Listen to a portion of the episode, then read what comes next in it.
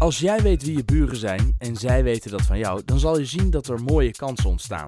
En elke ondernemer weet, kansen, die moet je grijpen. Grijp nou niet mis en ontdek in deze afleveringen met wie jij je bedrijfsverzamelgebouw nou eigenlijk deelt. Wie zijn ze? Wat doen ze? Hoe zijn ze ooit begonnen? Dat wil ik weten. En daarom stap ik met ze in de lift. Wij stappen samen in de lift bij uh, Dot Slash Utrecht. Uh, maar met wie sta ik eigenlijk in de lift? Nou, je staat in de lift met uh, Joram Timmerman. Ik ben mede-eigenaar oprichter van Talent Peaks. Talent Peaks is in 2016, februari 2016, gestart. En is een consultancyorganisatie die zich richt op Salesforce implementaties in specifieke industrieën specifieke industrieën, dan is natuurlijk logische volgende vraag. Welke specifieke industrieën? Ja, zeker. Uh, nou, wij richten ons op implementaties van Salesforce in uh, de recruitment-industrie. Dus uh, dan moet je denken aan partijen zoals Randstad, Adecco, maar ook kleinere niche-organisaties. we richten ons op partijen in de media. Dus dan moet je denken aan FD Media Groep, Exterior Media, dat is meer out of home. Um, maar ook partijen zoals NEP, die eigenlijk de broadcasting verzorgen voor uh, grote evenementen, die nu wat minder doorgaan, maar nog steeds wel heel, relevant zijn uh, voor ons. Dus media. En jullie um, doen daar de, de Salesforce implementatie? Klopt. ja. Waar, waarom doet Salesforce dat niet zelf? Nou, dat is heel bewust. Uh, zij verkopen de licenties en ze laten de implementaties over aan gespecialiseerde partners. Dus nou, je kan ook niet zomaar partner worden. Je moet daarin een bepaalde ja, hoe moet je dat zeggen, certificering door, uh, waardoor je een kwaliteitsstempel krijgt. En dan heb je verschillende niveaus van partnerships. En eigenlijk afhankelijk van je kennis en je ervaringen en je goede referenties bij klanten, uh, word je dan uh, ja, een bepaald type partner. En wij hebben ons, we hebben eens gekeken naar dat partnerlandschap en we hebben gezegd van, hey, volgens mij kunnen we ons met name onderscheiden door gewoon te focussen op industrieën. Uh, we zien dat heel veel partners dat in Nederland in de Benelux ook breder uh, niet doen. En eigenlijk gewoon alles wat aanpakken. Dus de ene keer bij de bank zit en de andere keer bij een koekjesfabriek. Ja, en volgens ons werkt dat niet. Dus uh, als je met een, nou, een, goed team aan consultants bij een klant komt, die snapt al van tevoren hoe die business in elkaar zit. En ook heel erg vanuit een principe, vanuit een soort gidsrol kan nadenken.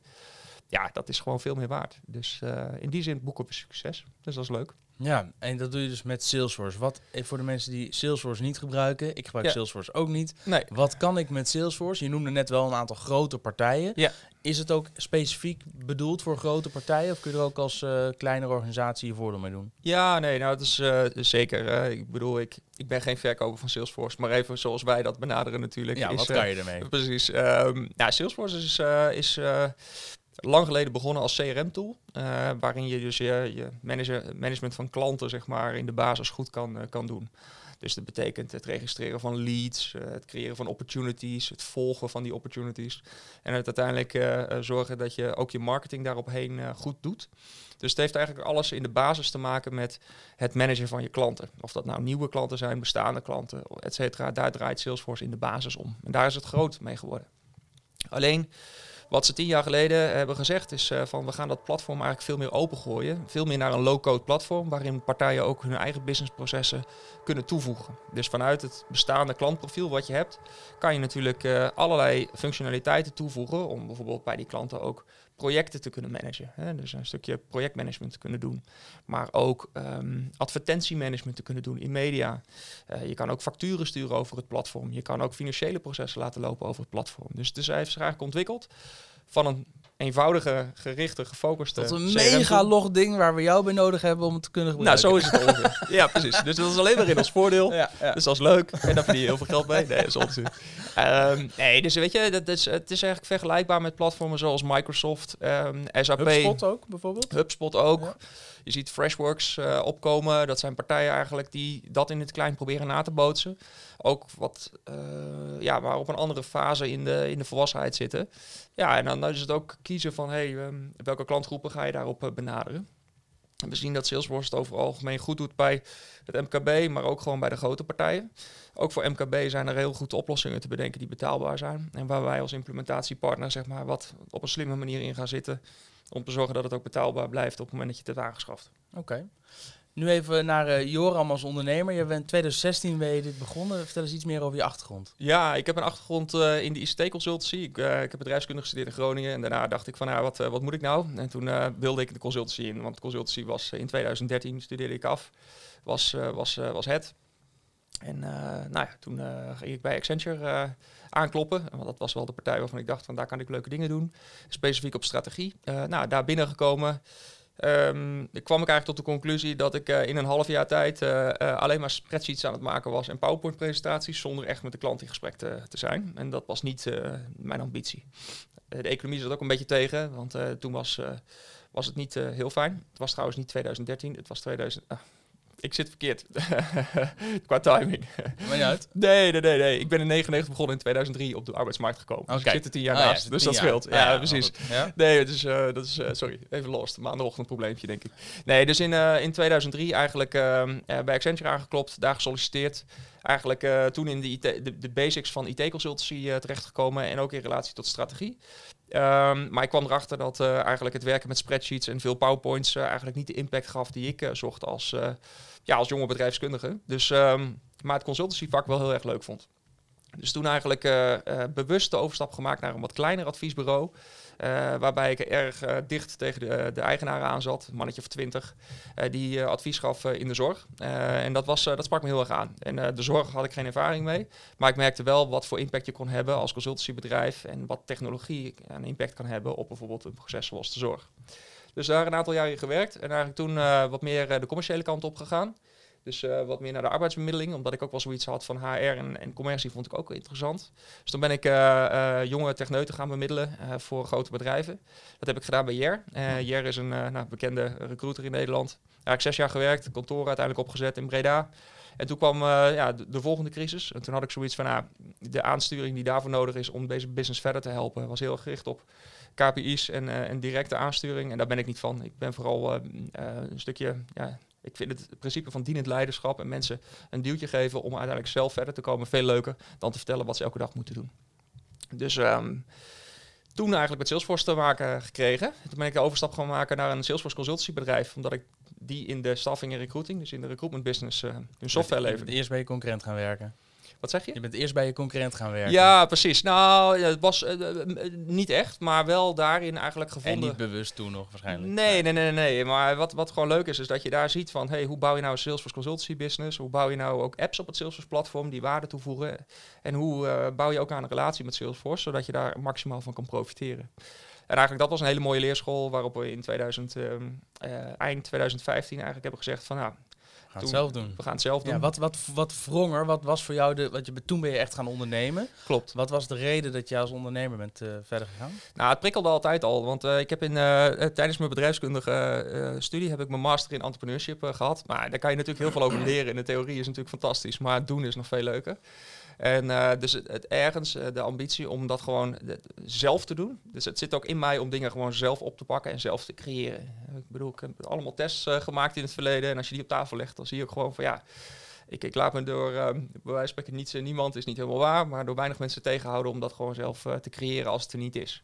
En eigenlijk vanuit die ambitie, in samenwerking met uh, Stijn van Genechten, mijn medeoprichter, uh, die, die ik ook kende, die mij heel goed aanvulde op mijn persoonlijke profiel. Daar waar ik gezegd van ja, weet je, volgens mij moeten we dit met z'n tweeën doen. Ook in Groningen gestudeerd? Nee, die, oh. heeft, nee, nee, die heeft in België gestudeerd. En nou, die kwam ook vanuit geografisch een andere hoek. En heeft ook wat veel meer ervaring in de, in de diepgaande ERP-implementaties. Dus die kwam wat meer vanuit de inhoud, vanuit de delivery kant. Hè. En ik kwam wat meer vanuit de commerciekant met, ehm, met een... Um, ja, met de achtergrond die ik heb. Zo hebben we elkaar gevonden. Ja, ik ben wel jaloers op ondernemers die een complementaire compagnon hebben. ik, eh, heb ik niet. Een vriend van mij hebben bijvoorbeeld wel. Uh, Bernard en Wesley, die zijn samen het ondernemen. zijn twee totaal verschillende mensen. En daardoor vullen ze elkaar heel goed aan. Hoe, hoe is het om met een compagnon te werken? Wat voegt het voor jou toe? Of, en wat maakt het soms ook wel eens lastig? Nou, er zijn twee dingen. Dus uh, inmiddels zijn we met, uh, met vier compagnons. Dus er zijn er nog twee bijgekomen in de loop der tijd. Uh, dus daarin hebben we eigenlijk een, nieuwe dynamiek gezien. Um, maar hoe is het om met een compagnon te werken? Ik vind het heel prettig, want ik heb altijd gezegd van ja het is niet een one-man show. Zoiets doe je vanuit teamverband. En uh, als je elkaar daarin versterkt, dan geeft dat heel veel voldoening. Uh, maar daar zijn wel wat uh, voorwaarden aan om dat op een goede manier ook tot uiting te laten komen. Ja, lijkt me met vier nog moeilijker dan met twee. Dan wordt het nog een leuker, leuker proces. Maar dat betekent dat, dat je elkaar op een goede manier moet snappen hoe je in de wedstrijd zit. Dus we hebben ook allemaal een persoonlijkheidsprofiel gemaakt of een test gemaakt waarin je eigenlijk een heel duidelijk profiel eruit krijgt van oké, hoe zit je nou in de wedstrijd? En hoe kan je ook samenwerken met anderen? Uh, dat geeft heel veel uh, input. Dus goed bij jezelf te raden gaan. Wie ben ik en wat wil ik en wat kan ik? Waar zit mijn kracht? En dat met elkaar bespreekbaar maken. Heel transparant en eerlijk aangeven van... joh, weet je, ik ben misschien wel goed in commercie... maar op dit punt heb ik een energielek... en daar wil ik me gewoon niet mee bezighouden. En dat kan voor een bepaalde tijd prima. Want ik in het begin ook heel veel facturen gemaakt... en helemaal administratie gedaan om het bedrijf gewoon op te starten. Maar uiteindelijk moet je gaan waar je, waar je gewoon heel blij van wordt. En als je dat met elkaar bespreekt, en of dat nou twee compagnons zijn of vier, en je hebt dat op een goede manier in de smiezen, ja, dan kan je daar heel veel waarde uithalen. Ja, ja, waar is dat op de vraag? Of, ja, ja, eh? zeker. Waar krijg jij energie van? Wat is jouw, waar ga jij mentaal van kwispelen? Nou, uh, uh, om onze de consultants en de klanten gewoon op het next level te brengen. Dus je ziet gewoon als mensen waarderen, klanten waarderen wat je aan het doen bent. En de, de consultants die eigenlijk voor een groot deel door ons zijn opgeleid in Salesforce. Want Salesforce consultants zijn schaars. Uh, er is een klein deel dat we hebben extern hebben aangetrokken. Maar het begin is gewoon gestart met jonge mensen die uit de business kwamen en zeiden van joh, jullie hebben zo'n tof concept. Wij willen heel graag onderdeel uitmaken van jullie groei. En we willen ons ziel en zaligheid hierin gooien om ook Salesforce te leren. Nou, dan is het gewoon ontzettend mooi om te zien dat mensen uiteindelijk dat met veel plezier doen en ook gewaardeerd worden door klanten. Dus dat geeft mij ontzettend veel energie. Ja. Wat is nou het verdienmodel van Talent Peaks? Waar haal jij je winst uit? Nou ja, wij verdienen onze uh, euro's met, met de uren.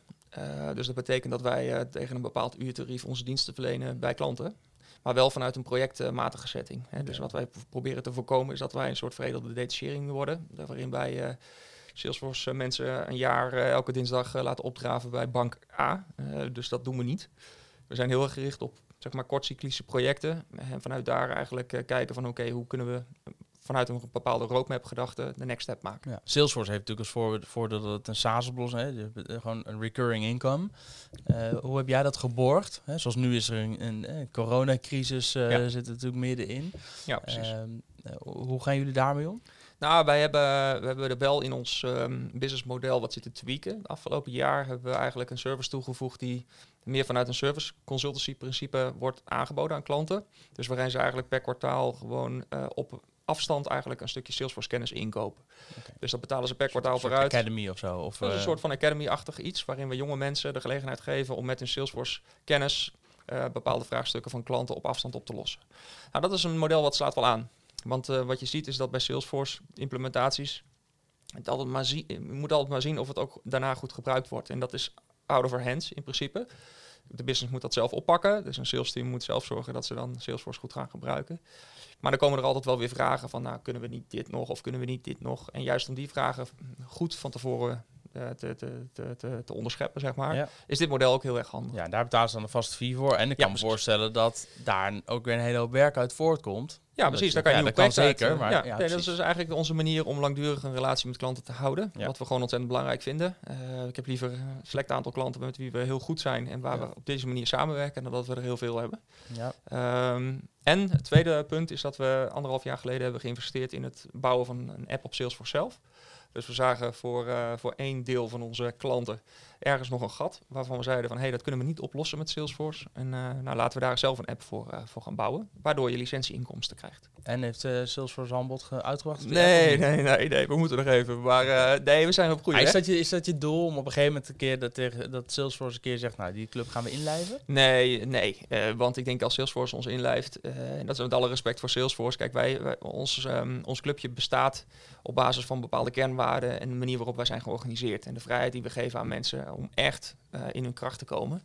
En ik, ja, dan moet er een club komen die dat totaal meepakt en ook gewoon respecteert. Want anders koop je uh, een club die daarna helemaal uit elkaar valt. En dat is volgens mij niet uh, de manier waarop je. Ja, welk voorbeeld kun je noemen van een, een, een, een vrijheid die je meegeeft aan je team? Nou, um, um, laat ik het dan terugpakken op eh, onze, zeg maar, onze drie kernwaarden die wij heel hard stellen, zeg maar. En uh, blijven communiceren. En ook tik op de tafels voor de luisteraar heel helemaal. Oh, sorry. ja, maar ik, ik, ik, ja, zo dus microfoon tik, tik, tik, ja, ja, Nee, dus um, wat? Sorry. Nee, heel graag. Um, kijk, de, de, de, die alle vrijheden die wij uh, geven aan onze, onze mensen zijn gebaseerd op het, uh, de manier waarop we met elkaar in de wedstrijd zitten. Dus uh, wij, wij zeggen tegen onze mensen van joh, we willen voor onze klanten en ook voor jezelf willen we een gids zijn. Dus zorg nou voor dat je je eigen roadmap, maar ook die van de klant, ehm, op een goede manier helder hebt. Zodat je weet wat je stip op de horizon is. Want anders kunnen we je helpen, maar dan weten we ook niet waar naartoe. Dus dan wordt het ook al lastig. Ja. Dus het zijn van een gids. Het hebben van lol. Gewoon ze de ruimte bieden om gewoon lol te hebben met elkaar. Wij eh, organiseren te veel eh, evenementen eigenlijk op jaarbasis. Waarvan je zou kunnen zeggen van ja, dat zou je volgens mij met de helft ook kunnen doen. Om gewoon met elkaar leuke dingen te blijven doen. En, eh, dat Wat is het leukste wat jullie gedaan hebben? eh, we zijn eh, vorig jaar met z'n allen even naar Dublin geweest en dat is vreselijk uit de hand gelopen. Dus Ja. dat doen we dan ook hele leuke dingen. Ja. Ehm, dat zijn dingen, maar ook gewoon ja, dat, dat er initiatieven uit de groep ontstaan om met elkaar thuis bij een persoon te gaan barbecuen en daar een soort van halve kookworkshop van te maken. Leuk. Ja, dat zijn gewoon dingen die het is niet alleen zelf organiseren, maar het ook vanuit de groep laten komen. Dus dat is fun. En het, het laatste is impact. Dus hoe kan je, je kan alleen maar bij een klant of bij jezelf eh, impactvol laten zijn, zeg maar, om eh, door, de, door de juiste kennis en ervaring eh, te, te, te, krijgen. Dus daarin zijn, geven we ze ook de vrijheid om na te denken van hoe wil ik impact maken. En als ik kijk naar mijn profiel, ook alle mensen hebben een eigen profiel vanuit een assessment laten doen, is eh, dat ze ook scherp krijgen van waar word ik blij van. En daar eigenlijk ook kijken van hey, welke Salesforce certificeringen, welke Salesforce route hoort daarbij. Dus je kan verschillende kanten op dat platform. Vind ik finance leuker dan bijvoorbeeld eh, sales of marketing.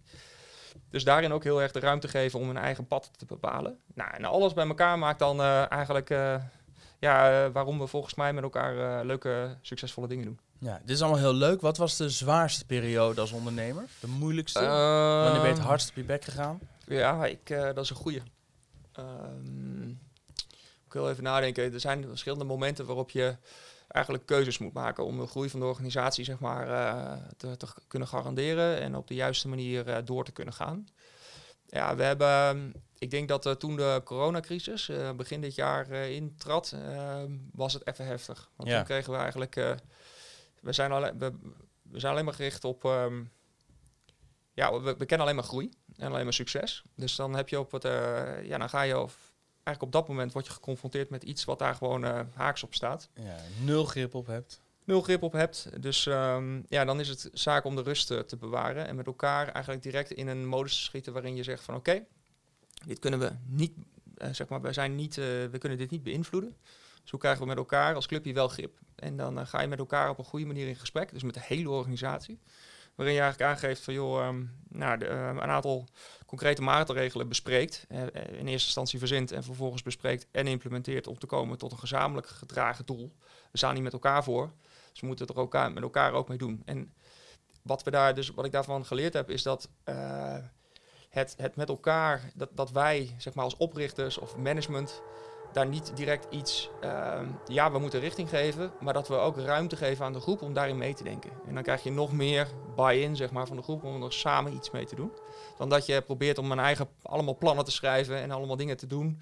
eh, om dat dan te gaan communiceren van jongens, dit moeten we met elkaar doen. Ja. En dat, dat, natuurlijk, het wordt dat van je verwacht. Maar aan de andere kant, eh, de, die dynamiek is daarin ook ontzettend belangrijk. Dus eh, dat was wel een time moment. Dus Ja. echt een, eh, dat Ja. was er eentje. Maar wat is, welke les heb je daar dan uit geleerd? Nou, dus door niet alles zelf te willen doen daarin en de interactie op te zoeken met het team. Om Ja. te zorgen dat, eh, dat je vanuit management ook de ruimte geeft om, eh, om met elkaar na te denken van hoe slaan we ons hier doorheen en welke initiatieven eh, hebben we daarin. Maar ook het heel transparant blijven delen van gewoon hoe ziet onze cashflow de komende maanden eruit, weet je wel? Waar lopen we nou tegenaan? Ja. Waarom doen we de dingen zoals we ze doen? Ja, begrip kweken. Gewoon laten Ja. zien, echt tot op de euro nauwkeurig, van wat gaat er nou uit en hoe zien we er financieel uit. En dat is denk ik ontzettend belangrijk. En ik weet niet of andere organisaties daar eh, zulke transparantie geven zoals wij. Dus ik heb we. het boek Semco in de polder gelezen van Ja. Allard Drosten. Het toevallig, maar dat is de, die, die doen dat ook. Maar dan met een hele grote staalfabriek, al vanaf dag één, Ja. nadat hij het heeft overgenomen, echt alles openbaar. Tot en met de salarissen van iedereen, alles. Hè? Ja. En zelfs ook eh, echt, echt nou, voor een heel groot deel zelfsturend. Dus op het Ja. moment dat, en, en iedereen, zoals hij zegt, echt 100% vertrouwen geven. Ja. Ja. En als er dus een, eh, een, een, een team is wat zegt, joh, wij vinden eigenlijk met z'n allen dat Henk te weinig verdient. Nou, Ja. dan gaat Henk meer verdienen. Ja. Alleen als Henk zegt, ik wil meer verdienen en de rest van het team zegt, ik zou echt niet weten waarom. Ja, dan gaat het niet gebeuren. Ja. Als Henk zegt, er moet een nieuwe machine komen van 4 ton. En Ja. eigenlijk iedereen zegt ja, want dan kunnen we veel efficiënter werken enzovoort. Mhm. Dan gaan ze ook serieus kijken, moet die machine er gewoon komen. Ja, nee, het is super interessant en ik geloof Ja. er ook echt in. Alleen, ik denk wel dat je op het moment dat je transparantie, 100% transparantie geeft, wat wij daarin ook hebben gedaan, dat je ook mensen moet uitleggen wat het dan betekent. Dus je kan het al op, opgooien, je kan de cijfers presenteren, maar als mensen dat niet goed in kunnen interpreteren of daar eigen conclusies aan gaan verbinden, dan krijg je ook wel weer een andere dynamiek. Ja. Dus ehm, ook daarin wordt, moet je wel de gids zijn om te zeggen van nou oké jongens, dit is ons waar we voor staan, dit is ons financiële plaatje. Laten we het ook even uitleggen. Dus uh, ja, we hebben echt uh, gewoon uh, speciale update calls gepland samen met onze finance verantwoordelijke om dit gewoon heel transparant ook goed uit te leggen. Ja, goed. Ja. Dus ja, weet je, dus dat is hoe wij de lol halen uit of met ons clubje. Ja, nou, we zitten, zijn bijna op, op onze bestemming. Laatst vraag je, ik, ik had net het over een boek en jij, calls met elkaar. Waar haal jij je inspiratie uit? Zijn het boeken, podcasts, documentaires, praten, netwerkgroepen, masterminds?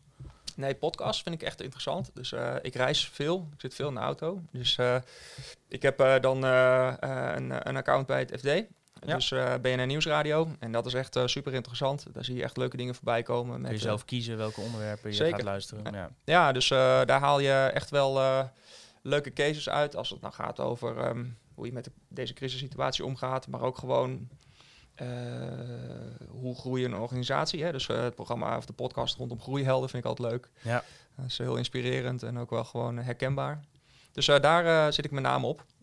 En uit het netwerk met andere collega Salesforce partners of daarbuiten contact blijven houden. En de ja. samenwerking houden is ook ontzettend waardevol om ja. daar kennis uit te halen. Nou, normaal stel ik in deze podcast altijd de vraag: wie zijn je buren? Oh. Maar bij jou, jij zit op de ja. tweede etage zuid van gebouw 400. Ja, hier op het tot 6 terrein. En ik ben druk bezig om uh, leuke overburen te vinden voor je, want die ruimte staat nog leeg. Ja, wij zoeken eigenlijk nog een leuke buur, dus bij deze... ja, dus je hebt nu gehoord wat uh, Joram doet met Talent Peaks. En als je denkt, nou, dat lijkt me te gek om daarnaast te zitten, ja. dan uh, kan dat nog eventjes. Ja, goed. Joram, wij zijn aangekomen en ik denk dat het tijd is om weer keihard door te beuken. Dankjewel. Ja, graag gedaan. Leuk. Bedankt. Deze podcast wordt mede mogelijk gemaakt door, in willekeurige volgorde, Deloitte, Capgemini, Rabobank, Pand, Gemeente Utrecht, Startup Utrecht, SHV Philadelphia en Walvis Venture Capital. Allemaal partners van Dotslash, de start-up locatie van Nederland aan de Europalaan in Utrecht.